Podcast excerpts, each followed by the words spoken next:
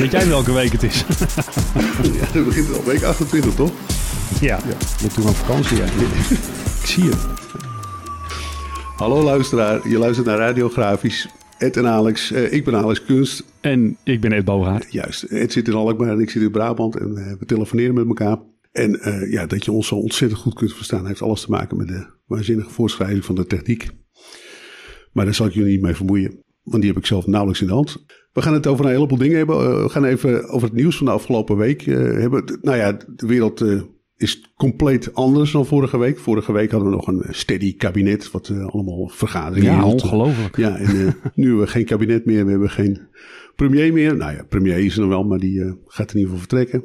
Er zijn verschillende politieke partijen onthoofd. Het is ongelooflijk. Want het is, het is ja, er gaan heel veel mensen vertrekken volgens mij inderdaad. Ja. Ik zie steeds meer afhakers. Ja. Dat krijg je als je vlak voor de vakantie stopt met een kabinet. ja, misschien is dat het, ja. ja, laat het maar zitten. ja, ik ga wat anders doen. en dat, dat is een goed recht. Ga, ga lekker wat anders doen. En uh, ik, ik, zou eerst, als ik zou stop maar even op het stand. Als je dat nou met elkaar. In de, in de Tour de France heb je dat ook. En dan spreken ze gewoon af. Morgen gaan we allemaal heel langzaam fietsen. Hmm. Dan gaan ze gewoon. Als ze dat nou gewoon met z'n allen afspreken, die, die, die partijen. Van nou, we gaan in de vakantie gewoon even niks doen. We gaan gewoon even lekker allemaal uh, in de zon liggen. Ja, dat is misschien wel goed, ja. Maar ja, volgens mij gaan er een aantal andere mensen zich. Uh, warm lopen voor ja, wat eraan zit te komen. Dat vermoed ik ook. ik denk dat er helemaal niemand met vakantie gaat nu. Maar goed. nou ja, wat, wat, uh, wat leuk was op Facebook. Uh, uh, bekende grafische luizende pels Oscar Jager. Die had onmiddellijk een, een foto van een stembiljet gepost op Facebook. Ja. Met good, good morning. En ja, want dit is natuurlijk goede handel voor de drukkerijen. Stembiljetten drukken. Ja, ja, ja, dat, ja, dat gaat er weer aan zitten te komen. Ja, ja, misschien verheugt Oscar zich wel weer daar alvast op. Dat zou zomaar kunnen. Ik denk dat Oscar zich enorm verheugt op een nieuw kabinet en, en op verkiezingen inderdaad. Ja, dat zou best kunnen, ja. ja.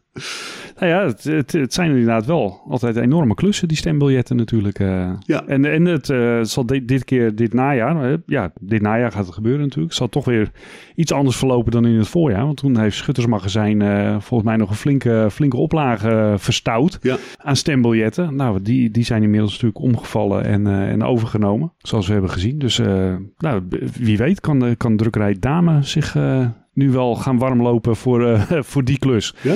Die, die hebben natuurlijk Schuttersmagazijn overgenomen. Dus uh, ja. zou zomaar kunnen. Als dat, uh... En Veldhuis Media gaat er dus mee aan de slag, begrijp ik. En, Ja, ja het, is, het is natuurlijk altijd verdeeld over een aantal drukkerijen volgens mij.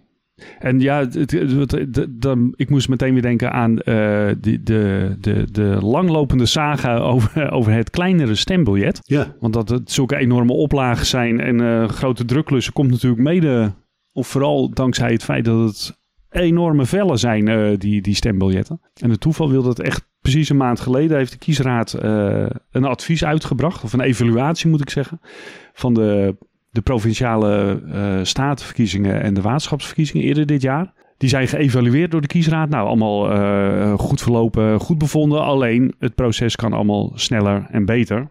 En ja, wat daar toch wel een van de heetste hangijzers is, is het formaat van het uh, stembiljet. Dus uh, ja. ze dringen echt aan op, uh, op het versnellen van de experimenten met het kleinere stembiljet. Want er is al een stembiljet op A4-formaat. We hebben er op de grafische vakpers al uitgebreid over geschreven. Ja. En ze hebben nog een keer aangedrongen bij de minister van, van Binnenlandse Zaken ja, dat, dat daar uh, haast mee moet worden gemaakt. Uh, nou ja, het is handzamer, zo'n kleine stembiljet. En het brengt ook het uh, elektronisch tellen van de stemmen dichterbij. Omdat dat veel makkelijker gaat natuurlijk, omdat je ze niet hoeft uit te vouwen. En, ja. Dus ze kunnen veel makkelijker geteld worden. Maar ook daarmee moet geëxperimenteerd worden. Nou, het eerstvolgende experiment stond en staat waarschijnlijk nog steeds voor de Europese parlementsverkiezingen in 2024 op de agenda.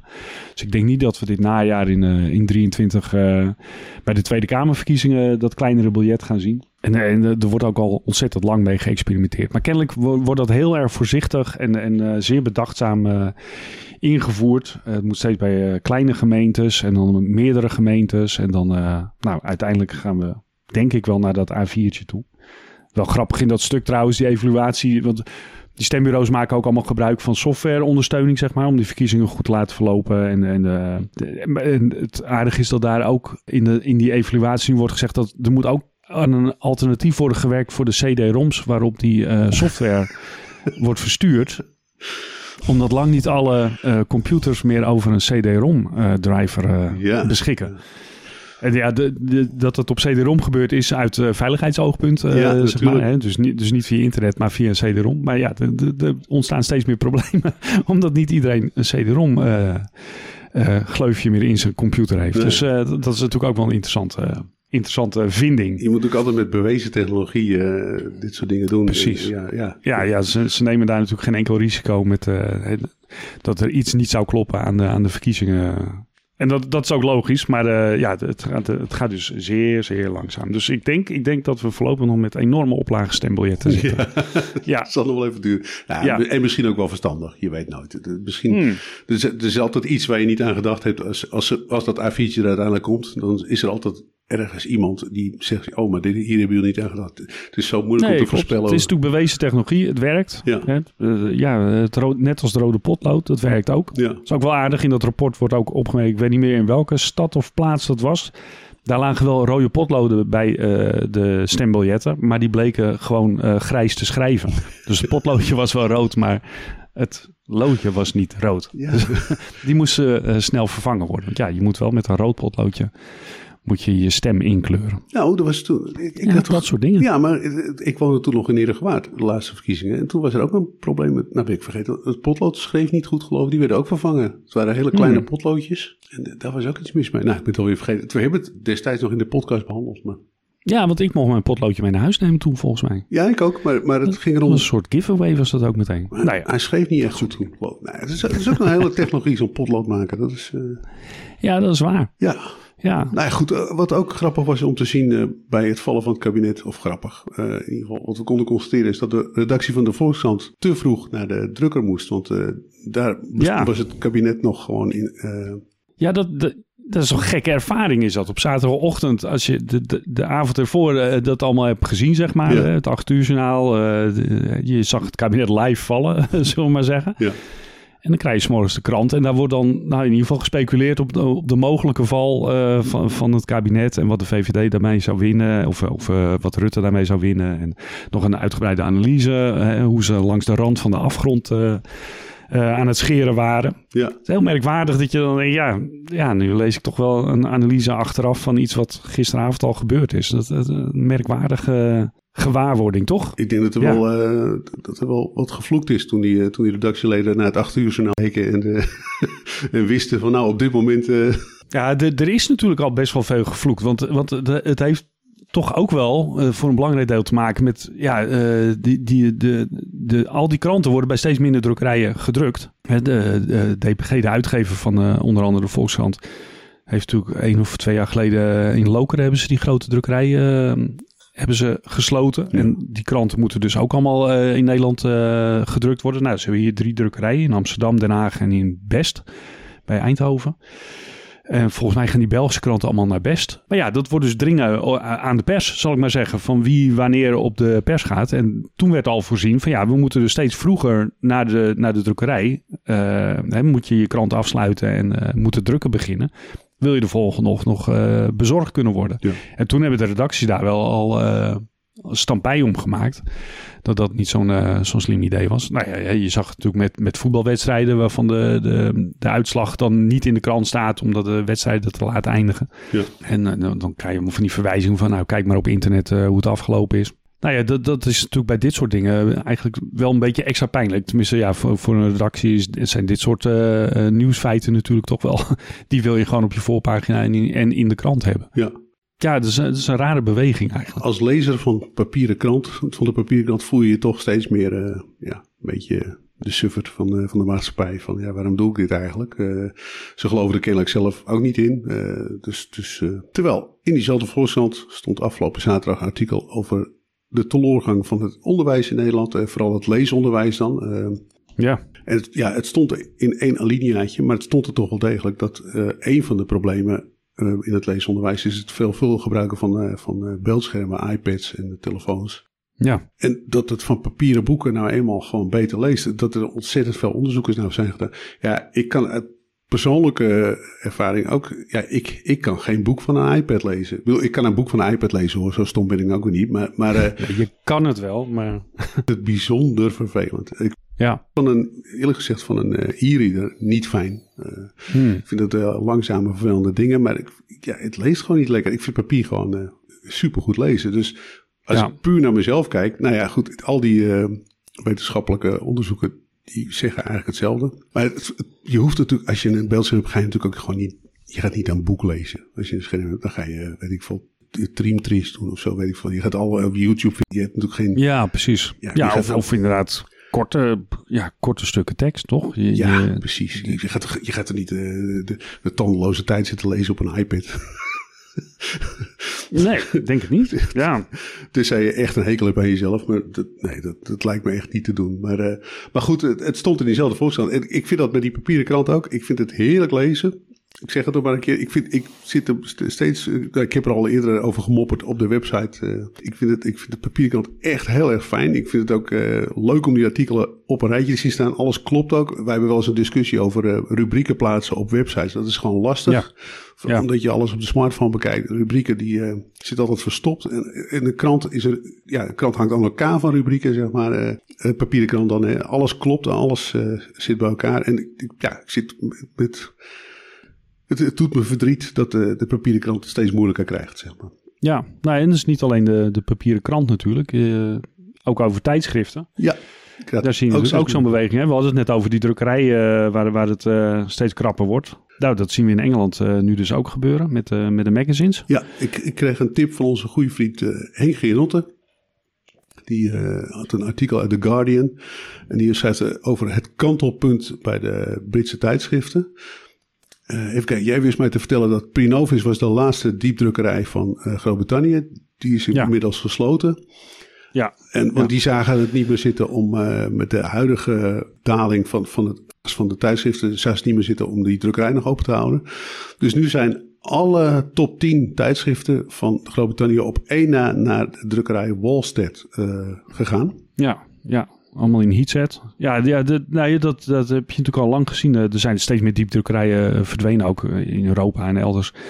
Diep, ja, diepdruk heeft gewoon toch wel volume en, en oplagen nodig natuurlijk om zich als techniek te rechtvaardigen, zeg maar. Ja. En ja, je, je zag natuurlijk steeds meer oplagen zal wel tegen de ondergrens uh, aanschuiven. Ja, en dan is eigenlijk heatset de, de, de, de, de eerstvolgende techniek die zich daarvoor leent, uh, zal ik maar zeggen. Ja, nu zie je dus inderdaad dat in Engeland vrijwel alle magazines nu van, van nou niet van één pers, maar, maar in ieder geval bij één drukker uh, liggen. Ja. Wat natuurlijk best een gekke situatie is. Ja. Eigenlijk. Toch? De, de, ja, qua. Nou ja, we hadden het net bij die krant over. Hè, in welke volgorde en wanneer uh, druk je die, uh, die, die bladen dan? Uh, maar ja, er is ook weinig keuze meer voor uitgevers dan. Qua onderhandelingen bijvoorbeeld. Uh, hoe, hoe, hoe, ga je dat uh, aanpakken? Ja. bij storingen, wie gaat er dan eerst? wie verschijnt er niet? ja, je hebt bijna... Ja, je, je, je kan eigenlijk geen kant meer op. En dat is in ja, het Verenigd Koninkrijk eigenlijk alleen nog maar erger geworden, zeg maar. Met, met, ze kunnen ook bijna niet in Europa laten drukken. Nee. Dat was altijd al wel vrij lastig, omdat ze natuurlijk vaak met bijlagen zaten, die dan eerst van Engeland naar die drukker in Europa moeten om bij een blad gestoken te worden en dan weer teruggestuurd te worden. Dus dat was altijd al wel wat omslachtig, uh, zeg maar. Maar nu na Brexit is het nog ingewikkelder om dingen op tijd weer het land in te krijgen, uh, zeg maar. Dus, dus ja, buiten Engeland drukken is eigenlijk ook geen optie. Nee.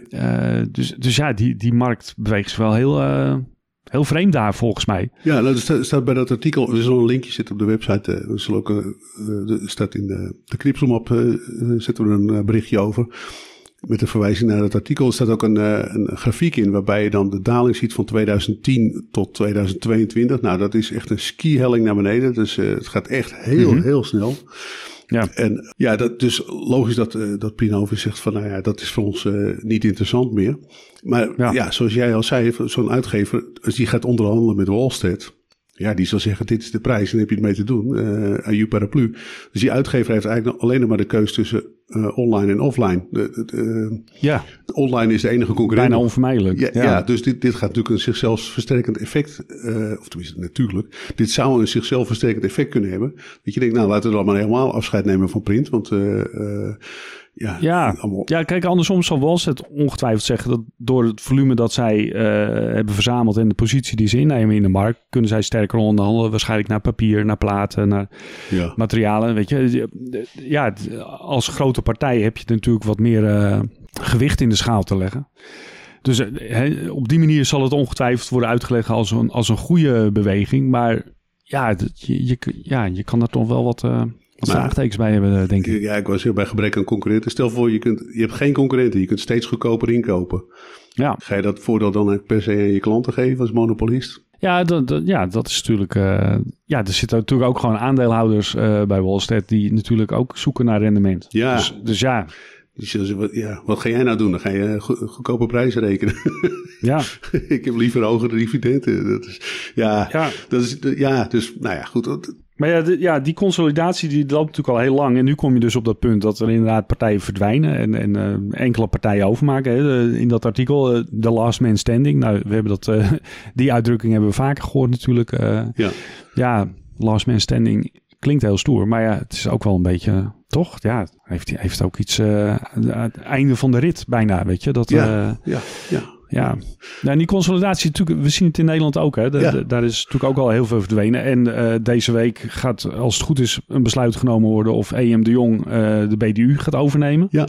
De drukkerij. Wat betekent dat voor de markt uh, als BDU bij EM de Jong zit?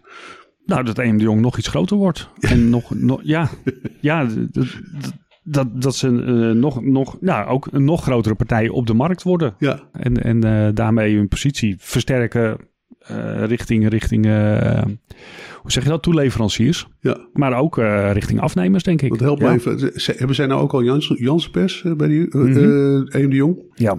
Ja, dus dan, dan, dan drukken zij straks... Even, wat wordt er bij Janssen Pers gedrukt? Even denken hoor. Je moet mij niet overvallen met oh, dit soort vragen. Ik weet in ieder geval, ze hebben dan in ieder geval het Reformatorisch Dagblad bij, bij BDU, van BDU hebben ze dan. Dus ze hebben dan het, in ieder geval dat soort nieuwsbladen hebben ze dan ook uh, te pakken. En het is, wel, het is wel een interessante ontwikkeling. Bij de UF, ik vind het een ontzettend leuke drukkerij. Ik ben er al een paar keer geweest. Mm -hmm. Ze hebben een hele toffe pers. Dus ze waren die, die speciaal op uh, tabloid formaat. Dat, dat is tegenwoordig. Vroeger weet je dat nog, dat we dat heel belangrijk vonden. Het verschil tussen broadsheet en tabloid. Geen hond heeft het er meer over. Nee, ja, je hebt eigenlijk geen keus meer. Nee, dus, uh, nee, het nee. is nou gewoon. Ja, maar het, het, gaat nu veel meer over online versus offline. Zeg maar. Het is. Uh, ja. Uh, maar goed, ze hebben dus een pers waarbij die tabloid geweldig kunt drukken. Ze, ze, ja, de, de, ze, ze, hebben er naast gegrepen toen met het Financieel Dagblad. Het was volkomen logisch om dat bij BDU onder te brengen, omdat die pers was er gewoon voor gemaakt, zeg maar. En mm -hmm. het kwam bij, uiteindelijk terecht in, in Diemen bij... Uh, ja, nu bij Rodi. Ja, nu ja. dus nu bij Rodi. En ja, ja die moesten hem steeds bijsnijden. Uh, dus, dus ja, ja, het was ook qua, qua milieu mocht iemand het nog interessant vinden, beter om het bij BDU onder te brengen, maar, maar, uh, of qua afvalhandeling. Uh, maar daar, daar grepen ze, ze grepen naast een aantal van die dingen. De laatste keer dat ik daar was, hadden ze ook net naast de metro gegrepen. Dat was toen nog zo'n blad wat je bij, gratis in de trein kreeg, wat inmiddels ook mm -hmm. niet meer bestaat. Maar ze, ja, het, het, het ging gewoon niet. Het heeft, het heeft nooit echt, ze hebben nooit echt de markt kunnen veroveren. Ga daar toen Koos Staal, dat was een vaste ontwerper voor, uh, voor BDU. Voor de uitgeverij ja. BDU, denk ik dan. En er lagen er allerlei ontzettende toffe voorbeelden van een, van een uh, bijvoorbeeld van een krant waarbij ze de vouw in elke term iets verder hadden gezet, waardoor je een soort tabblad-effect kreeg. Mm. Oh ja. Dat is gewoon een super gaaf idee. Uh, en, en, ja, allemaal nooit in de praktijk uh, gezien eigenlijk. Dus er was nog zoveel mogelijk met zo'n pers. En met, met, nou, wie weet, denkt EM de Jong, we gaan het alsnog doen. Uh, we gaan festivalkrantjes maken of weet ik veel wat. Of, ja, misschien voegen ze op die manier nog wel een specialiteit toe. Ja. Nou ja, we weten het nog niet. ja, de, de, directie en de, de commissarissen uh, die zijn allemaal positief uh, over het voorstel van EM de Jong. Ja. Uh, als het goed is deze week, donderdag, de 13e, worden de aandeelhouders, die, die moeten dan beslissen eigenlijk of het doorgaat. Het voornemen is volgens mij dat het BDU binnen EM de Jong dan blijft bestaan gewoon als, als, als bedrijf, als werkmaatschappij. Ja. Dus de, de, ja, ik weet niet precies hoe die integratie er dan uit gaat zien. Maar in ieder geval gaat het dan, zou het dan verder gaan onder EM de Jong. Nog iets groter. Ja. ja, nou, ik ben benieuwd. Ik vond, ja, ze waren altijd, ik vond BDU ook leuk omdat ze altijd ontzettend innoveren waren. Ook op pre-press niveau en zo. Het, het was, uh, ja, het had wel wat. Dus uh, Zeker. ja, benieuwd. Ja, nee, de, het, het, doet mij een beetje denken aan, aan een interview. Of tenminste, ja, ik, heb, ik heb vanmorgen een interview zitten kijken. Uh, want we, we, hebben het eigenlijk een beetje zo, nou ja, over die, nou, de teleurgang, dat klinkt ook weer zo. Maar de, de, de, de, ja, de sterke consolidatie die plaatsvindt, zeker in kranten en tijdschriftenland. Uh, waar, ja, waar het toch steeds moeilijker wordt, zeg maar. En we hebben een paar weken geleden hebben we het in de podcast er ook over gehad. Ik zou een boek gaan aanschaffen van uh, Jeff Jarvis, de Gutenberg Parenthesis. En dat, dat boek verscheen toen wel al uh, als e-book. Maar goed, uh, ja. ik sluit me helemaal bij jou aan. Uh, ik heb besloten dat e-book toch maar even het e-book te laten en te wachten tot de papieren uitgave. Want het is volgens mij weer type zo'n boek waar ik gewoon heel lang en lekker in wil gaan zitten lezen. En niet doorheen wil scrollen. Um, maar goed, dat boek het, het, verschijnt voor mij, ik denk volgende week of die week daarna, in ieder geval in juli. En, en, nu was er een interview met de schrijver. Jeff Jarvis, een uh, Amerikaan, die, die nou, ja, media op de voet volgt en uh, daar ook in uh, les geeft. En hij werd geïnterviewd door Alan Rusbridger, dat is de voormalige hoofdredacteur van The Guardian, de krant waar we het net ook al over hadden. Interessant interview, want hij, hij, ja, hij vraagt mij van de, de, uit te leggen waar dat boek precies over, over gaat. En dat legt hij ook heel goed uit. Voor mij heb ik de vorige keer heb ik de boektitel een beetje vertaald als Gutenberg tussen haakjes. Ja. Dat, dat is ook wel eigenlijk letterlijk wat het betekent. Maar niet zozeer tussen haakjes als dat kun je ook weglaten. Uh, maar uh, hij, hij, uh, het boek behandelt eigenlijk de periode voor Gutenberg, de periode Gutenberg en de periode erna. En die periode, ja, dat is eigenlijk waar wij nu in zitten, zeg maar. en hij heeft die periode eigenlijk gedefinieerd als Gutenberg 1454, als hij die Bijbel drukt. Ja. Uh, met, met de door hem uitgevonden boekdrukkunst. Uh, laten we daarop houden. En uh, 1994, op het moment dat de Netscape browser, browser de zoekmachine wordt uitgevonden. Dus, ja, ja, zoekmachine, browser. In ieder geval, daarmee kon je het internet op. Ja. Daar, daar, werd het een stuk makkelijker mee. En je hebt dus die periode voordat die boekdrukkunst werd uitgevonden. Jeff Jarvis, dat vind ik ook wel grappig. Hij, hij heeft aardige details allemaal. Het gaat niet over de uitvinding van de boekdrukpers. Maar het, het belangrijkste is het lettergieten. Dat is eigenlijk de uitvinding. Hè? Die, die pers die bestond al en die werd op allerlei manieren al gebruikt om dingen te persen. Maar het feit dat, dat hij die, die losse letters en dat gieten daarvan uh, heeft geperfectioneerd, ja. laten we dat in ieder geval zeggen. Uh, dat, dat is eigenlijk het begin van, van, uh, van die revolutie. En hij trekt een heleboel parallellen tussen die beginperiode van de boekdrukkunst en de beginperiode nu van de, de nou ja, laten we zeggen, de online, uh, het online tijdperk. Ja.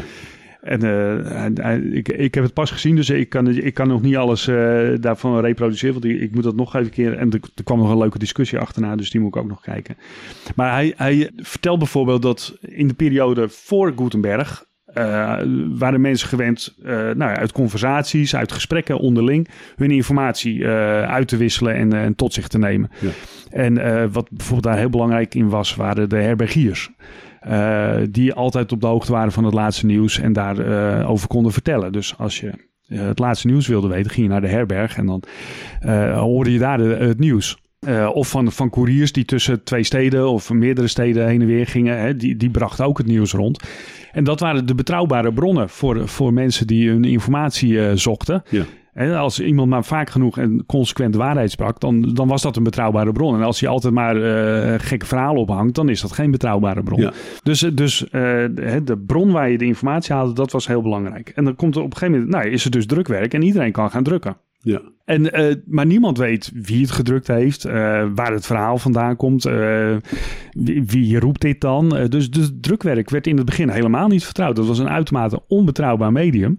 Ja. je, je kon het beter van iemand horen die je vertrouwde dan zomaar een papiertje vinden waar iets op stond, terwijl je helemaal niet wist waar het over ging. En dan ontstaat er ook een soort beweging of, of een aantal mensen die, die de, de overheid oproepen om eigenlijk uh, die, dat drukwerk aan banden te leggen. Of in ieder geval te, te gaan controleren. Ja. Op juistheid. Weet je, uh, er verschijnt zoveel onzin op een gegeven moment. Dat, dat ja, de, de mensen raken daarvan uh, van, van in de war. En de, dus er moet gereguleerd worden. En uiteindelijk ontwikkelt zich dat dan tot uh, redacteuren, tot uitgevers, die, die dat, ja, dat proces eigenlijk beginnen te beheersen. En ja, de, wat we nu uh, natuurlijk allemaal kennen, hè, dat je een betrouwbare krant, een betrouwbare uitgever, een, een redacteur waarvan je weet dat die zijn dingen goed uitzoekt, ja. researchers, dat soort dingen. Hè, dat, dat is nu ook weer heel erg actueel. Maar je ziet dus dat ze uh, die begintijd van de boekdrukkunst eigenlijk best wel te vergelijken is met die begintijd waarin we nu zitten. Ja. En uh, hij heeft ook echt zoiets van, ja, we zitten echt pas aan het begin van, van wat online ons gaat brengen. We hebben heel erg het idee dat we nu al weten wat. En uh, nou, dat is natuurlijk een enorme roep ook om regulering. En, en eigenlijk diezelfde roep weer, want waar komt het dan allemaal vandaan? Maar hij heeft zoiets van, ja, we zitten echt in het beginstukje van, van wat dit allemaal gaat brengen. En hij, hij ziet online dus ook niet als een medium zoals het boek of de krant. Ja. Want hij zei, ja, de krant en het boek, dat zijn eigenlijk businessmodellen die gebouwd zijn ja, op die boekdrukkunst, die uitvinding van die boekdrukkunst. Hè. De, op een gegeven moment ja, ontwikkelt zich dat en krijg je dus ja, de, nou ja, de, ja, een soort gereguleerde gebruik van, van zo'n techniek. Uh, en er worden allerlei creatieve dingen mee bedacht. En dat, dat moet in online eigenlijk ook nog allemaal gaan gebeuren. En dat vond ik wel mooi. Hij zei, ja, uh, je ziet het heel erg om de, de geeks are still, are still in charge. Ja. Dus het, de, de uitvinder zelf, zeg maar, hè, de Gutenbergs, die, die, uh, de, maar Gutenberg zelf ging natuurlijk ook al heel snel failliet, want die was hij business-wise helemaal niet zo goed mee bezig. Nee. Maar de, de, de techniek had hij natuurlijk wel, daar wist hij alles van, maar wat je er nou mee kon en hoe je daarmee nou, geld moest verdienen of in ieder geval een business moest of uh, uh, iets, iets betrouwbaars van moest maken, dat, dat was helemaal niet aan hem uh, besteed, zeg maar. En in die periode, nou ja, goed, hij, hij, hij, hij, haalde natuurlijk Elon Musk aan hè, waar, als, als slecht voorbeeld van een geek die aan de knoppen zit en eigenlijk niet weet wat hij aan het doen is. Ja. En hij, hij pleitte er bijvoorbeeld voor, hè, Google, prachtig bedrijf. Maar ook daar, ja, eigenlijk nog steeds geleid door geeks. En hij heeft zoiets van, ja, Google zou eigenlijk geleid moeten worden door een bibliothecaris, uh, misschien ja, ja. door journalisten. Het gaat uiteindelijk over informatie. En ja, dat, dat zijn veel deskundiger mensen op, op dat gebied, zeg maar, dan degene die dit hebben uitgevonden en groot gemaakt. Of tenminste, uh, gemaakt tot wat het nu is. Mark Zuckerberg is natuurlijk ook een mooi voorbeeld. Dat is letterlijk de programmeur van Facebook. Ja, nou ja, het, het, dat zegt hij ook letterlijk. Van zou je een sociaal netwerk, als je dat nu zou bouwen, een sociaal netwerk, zou je dat dan laten leiden door iemand die helemaal geen sociale vaardigheden heeft?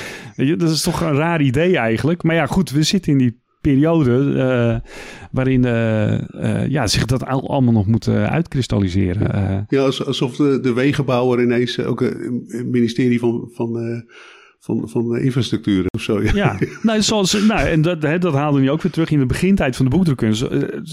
hadden de drukkers eigenlijk alles in handen. Hè? Nou, Ja. de, de, de, de zwarte magie, zeg maar.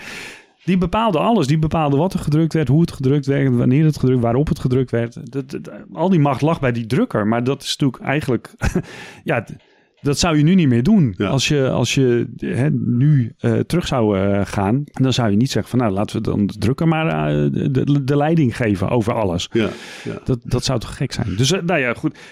Ik vind de, eh, dat interview, we zullen een linkje zullen, eh, even bij deze podcast op de, eh, op de grafische vakpers zetten. Want het is erg leuk om te bekijken. Het is, ik geloof een half uurtje ongeveer. En daarna be- begint de discussie die ik nog moet gaan bekijken.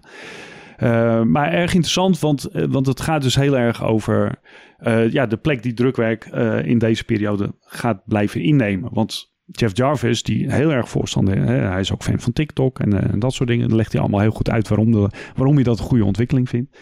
Maar hij zweert toch ook gewoon bij het boek. ja. Omdat in een boek, eh, je moet maar durven om eh, dat allemaal vast te leggen, die kennis, op een onveranderlijke manier. Ja.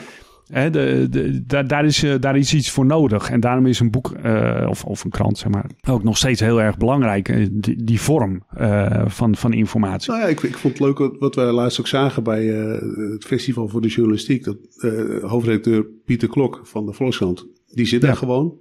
En die kun je gewoon ter verantwoording roepen over eh, bijvoorbeeld de berichtgeving tijdens corona. Hij geeft ook gewoon Ja. antwoord. Hè? En hij, Ja. hij zegt ook gewoon, eh, in, in een geval had hij het mis. Zei hij, nou, ik had het mis. Ja. Dat wisten wij niet.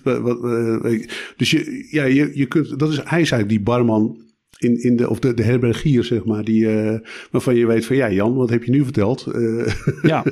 de schout Ja, precies. Dus die rol is eigenlijk, hè, de, de- ja, die rol is nu weer overgenomen door de, de oude media, als we het maar zo noemen, Ja. eh, zeg maar, hè, de betrouwbare bron.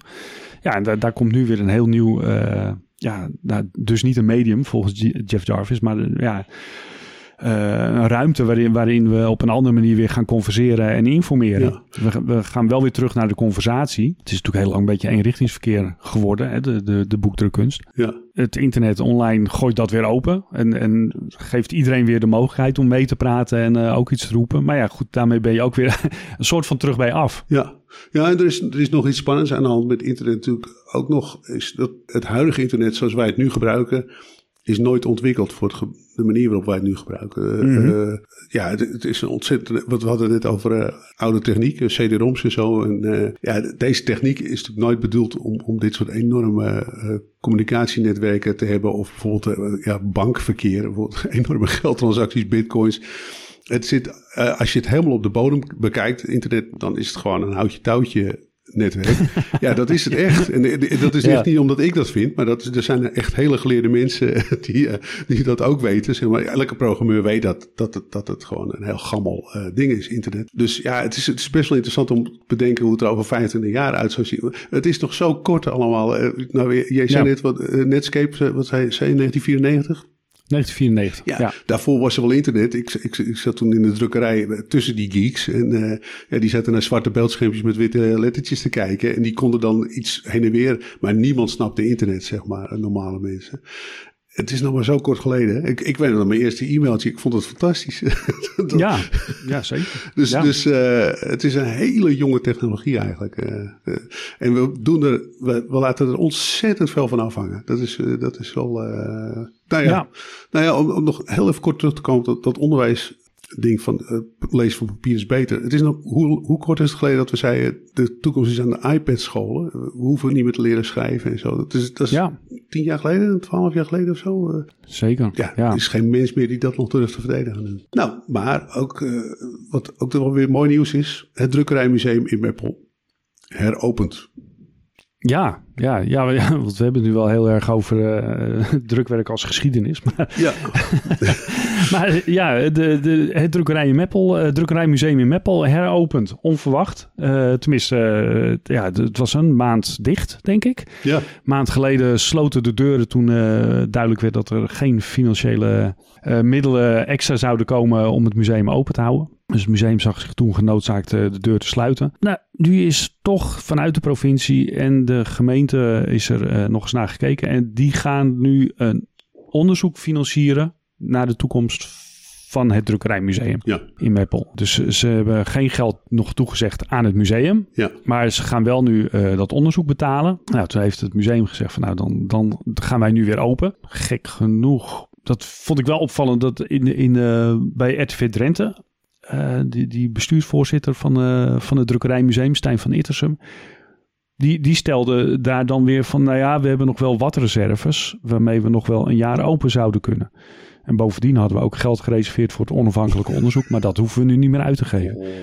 Dus, dus het is ook wel, nou ja, als ik dat, dat dan zo lees, dan denk ik, oh ja, maar dat is dus best wel een beetje hoog opgespeeld. En uh, nou ja, er spelen kennelijk ook nog wel wat andere dingen. En nou ja, we hebben daarover geschreven op de, op de vakpers. Dat, dat pand waarin ze zitten is ook eigendom van, van het museum. Ja. Dus, dus ja, hoe, hoe het nou allemaal precies in elkaar zit, weet ik ook niet. Het museum heeft in ieder geval vol vertrouwen in, uh, in het onderzoek. Ja. Er is, ik geloof twee jaar geleden, ook al eens een, een eerder onderzoek gedaan, zeg maar, waarin uh, uh, wat conclusies stonden. Ik heb dat nog niet kunnen vinden, maar uh, diezelfde onderzoekers gaan nu ook dit vervolgonderzoek doen. Ja. Dus de museumdirecteur heeft er alle vertrouwen in dat er een plan uitkomt waarmee het museum verder kan.